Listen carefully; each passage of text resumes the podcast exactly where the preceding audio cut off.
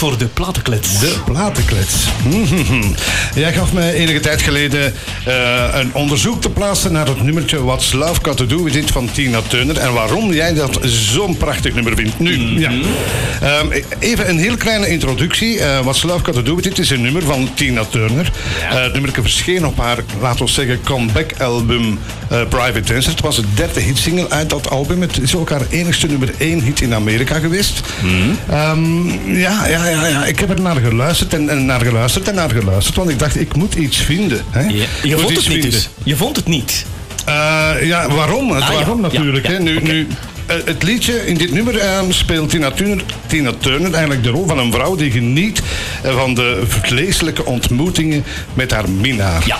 Maar geen emotionele gehechtheid. Inderdaad. En dat is zo'n puntje. Ja, ze wil dat hij weet dat er niks meer aan de hand is. want voor haar is het puur fysieke. Platonische seks. Ja, uw relatie heeft dus niks te maken met liefde. Daar gaat dit liedje een beetje mm -hmm. over. Hè? Nu, velen dachten dat het liedje een soort autobiografie was van Tina Turner. Van, van Ike, ja. Ondanks haar, of kennende haar uh, rumoerig verleden met Ike, uh, Ike Turner. Mm -hmm. uh, gewelddadig verleden, dat weet ik allemaal. Klets maar dat is het dus helemaal niet, want ze heeft het nummer zelf niet geschreven. Juist. Ze heeft het aangereikt gekregen en uh, het frappante is eigenlijk, uh, Tina Turner moest eigenlijk niks weten van dat nummer. Ze wou het eigenlijk ook niet opnemen. Het was eigenlijk geschreven voor een andere groep zelfs, hè? Ja, voor Cliff Richard was het En- en- eigenlijk geschreven. En Fizz heeft het En ook opgenomen. heeft Ja, het opgenomen. ja, ja, ja. Die hebben het toen niet uitgebracht, want Tina Turner heeft het na Fizz opgenomen, maar het was eerder uitgebracht. Het werd een gigantische hit. Mhm. Uh, maar ja, dat, dat, de inhoud van dat nummerke. ehm, ja, ze- er wordt altijd over gesproken natuurlijk, hè, wat ze lauw kunnen doen met dit. Eigenlijk is het ja, als ik op zoek ging naar de reden. Waarom? Waarom vindt Luc dit goed? Ik dacht eerst technisch gezien. Eh, maar dat vind ik twijfelachtig. Want het is zo een typisch ethisch nummer. Eh muzikaal lijkt het mij vrij eenvoudig te zijn. Ja. Eh, het is ook elektronisch nummer. De drums en zo, denk ik dan, zijn zo van die elektronische drums, denk ik. Dus ja, kennende, denk ik niet dat het daar iets mee te maken heeft. Ik kan mij vergissen, maar ik denk het niet. Ehm, textueel zou kunnen, hè, want het is eigenlijk een echt anti-liefdesliedje eigenlijk. Het is echt Ja. een anti-liefdesliedje. Ja, ja, ja, Eh, die fysieke relatie met alles erop en eraan, dat is oké, eh, wordt erin gezegd, maar er komt geen liefde bij. Liefde, en dat vind ik zo wel typisch, oh, nee, typisch niet, maar zo een frappant zinnetje, excuseer. Liefde is een tweedehands emotie. Ja. Dat is een zinnetje uit dat liedje. Eh, dat ik vind dat een keigoede zin, gevonden. Liefde is een tweedehands emotie.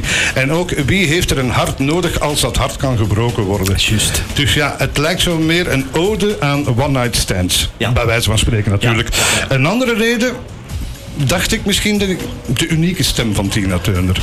Eh, ze heeft dat speciale timbre, timbre. Ze kan een diepe emotie weergeven en daarna rauw uithalen. Eh, ja, Tina kan een nummer zo goed verkopen eigenlijk. Dit is een voorbeeld. Mhm. Want ze hield niet van dat nummer. Ze wou het niet opnemen. En toch heeft ze dat gedaan en je hoort dat er niet aan. Hè? Want ze zingt het vol met passie en, en, en ja, meelevendheid zeg maar. Dus ik dacht, die factoren bij elkaar, dacht ik, misschien is dat de reden. Ja, wel, eerlijk gezegd, je hebt zoveel pogingen gedaan en, en jouw, jouw eh, diep graven siert jou, want in dit geval heb je het veel te ver gezocht. Maar toch bedankt voor de ganse uitleg. Inderdaad, de, e- de enige en bijna eerste, de eerste en enige nummer 1 in haar eigen land, zeg maar. Hè, want het nummer is eh, veel populairder hier dan dat het daar is. eh, met de rest van de nummers, zal ik maar zeggen. Maar ik vind het vooral een jeugdsentimenteel nummer. Het is een van de eerste nummers waar ik kon eh, eh, een orgasme krijgen van de, van de stereo in mijn koptelefoon. Ik had toen pas een Walkman. En als je de stereo hoort die daar gebruikt wordt, dat, dat is echt om, om rillingen van te krijgen. Mijn haren kwamen als kind toen al recht van deze muziek. Toch een beetje technisch dan. Een beetje, ja, zeer, zeer, zeer veel zelfs. Want nadien ben ik dan graven. Waarom vind ik dit nummer goed? Het is, is fantastisch goed geproduceerd.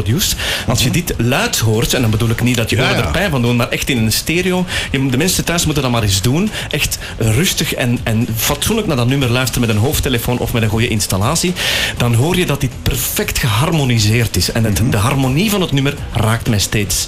En dan heb ik het over de synthesizers, die, die perfect juist gekozen zijn. Over die diepe baslijn, die dan Metallica later verdubbeld heeft met hun dubbele bassline. Het is fantastisch goed geproduceerd, zoals dat in de wereld gaat. Het nummer is fantastisch goed gemaakt. Ik dacht net Zonder dat het meer. daar niet ging om gaan, omdat ik het te eenvoudig vond. En, en- In dit eenvoudig geval in wel. die- ja, eenvoudig typisch ethisch, vond ik wel. Ja, ja. En ik dacht, nee, dat ga ik het niet zeggen. je kent mij, hè? Maar ik wou het simpel houden. toch. Ja, ja, ja. Maar ik moet zeggen, je hebt, je hebt 12 op 10, hè? Ah, ah, toch? 12, ja, maar tuurlijk. Je hebt er veel meer uitgehaald dan dat ik wou, eigenlijk. En nu ben ik wel benieuwd naar het nummer van volgende week.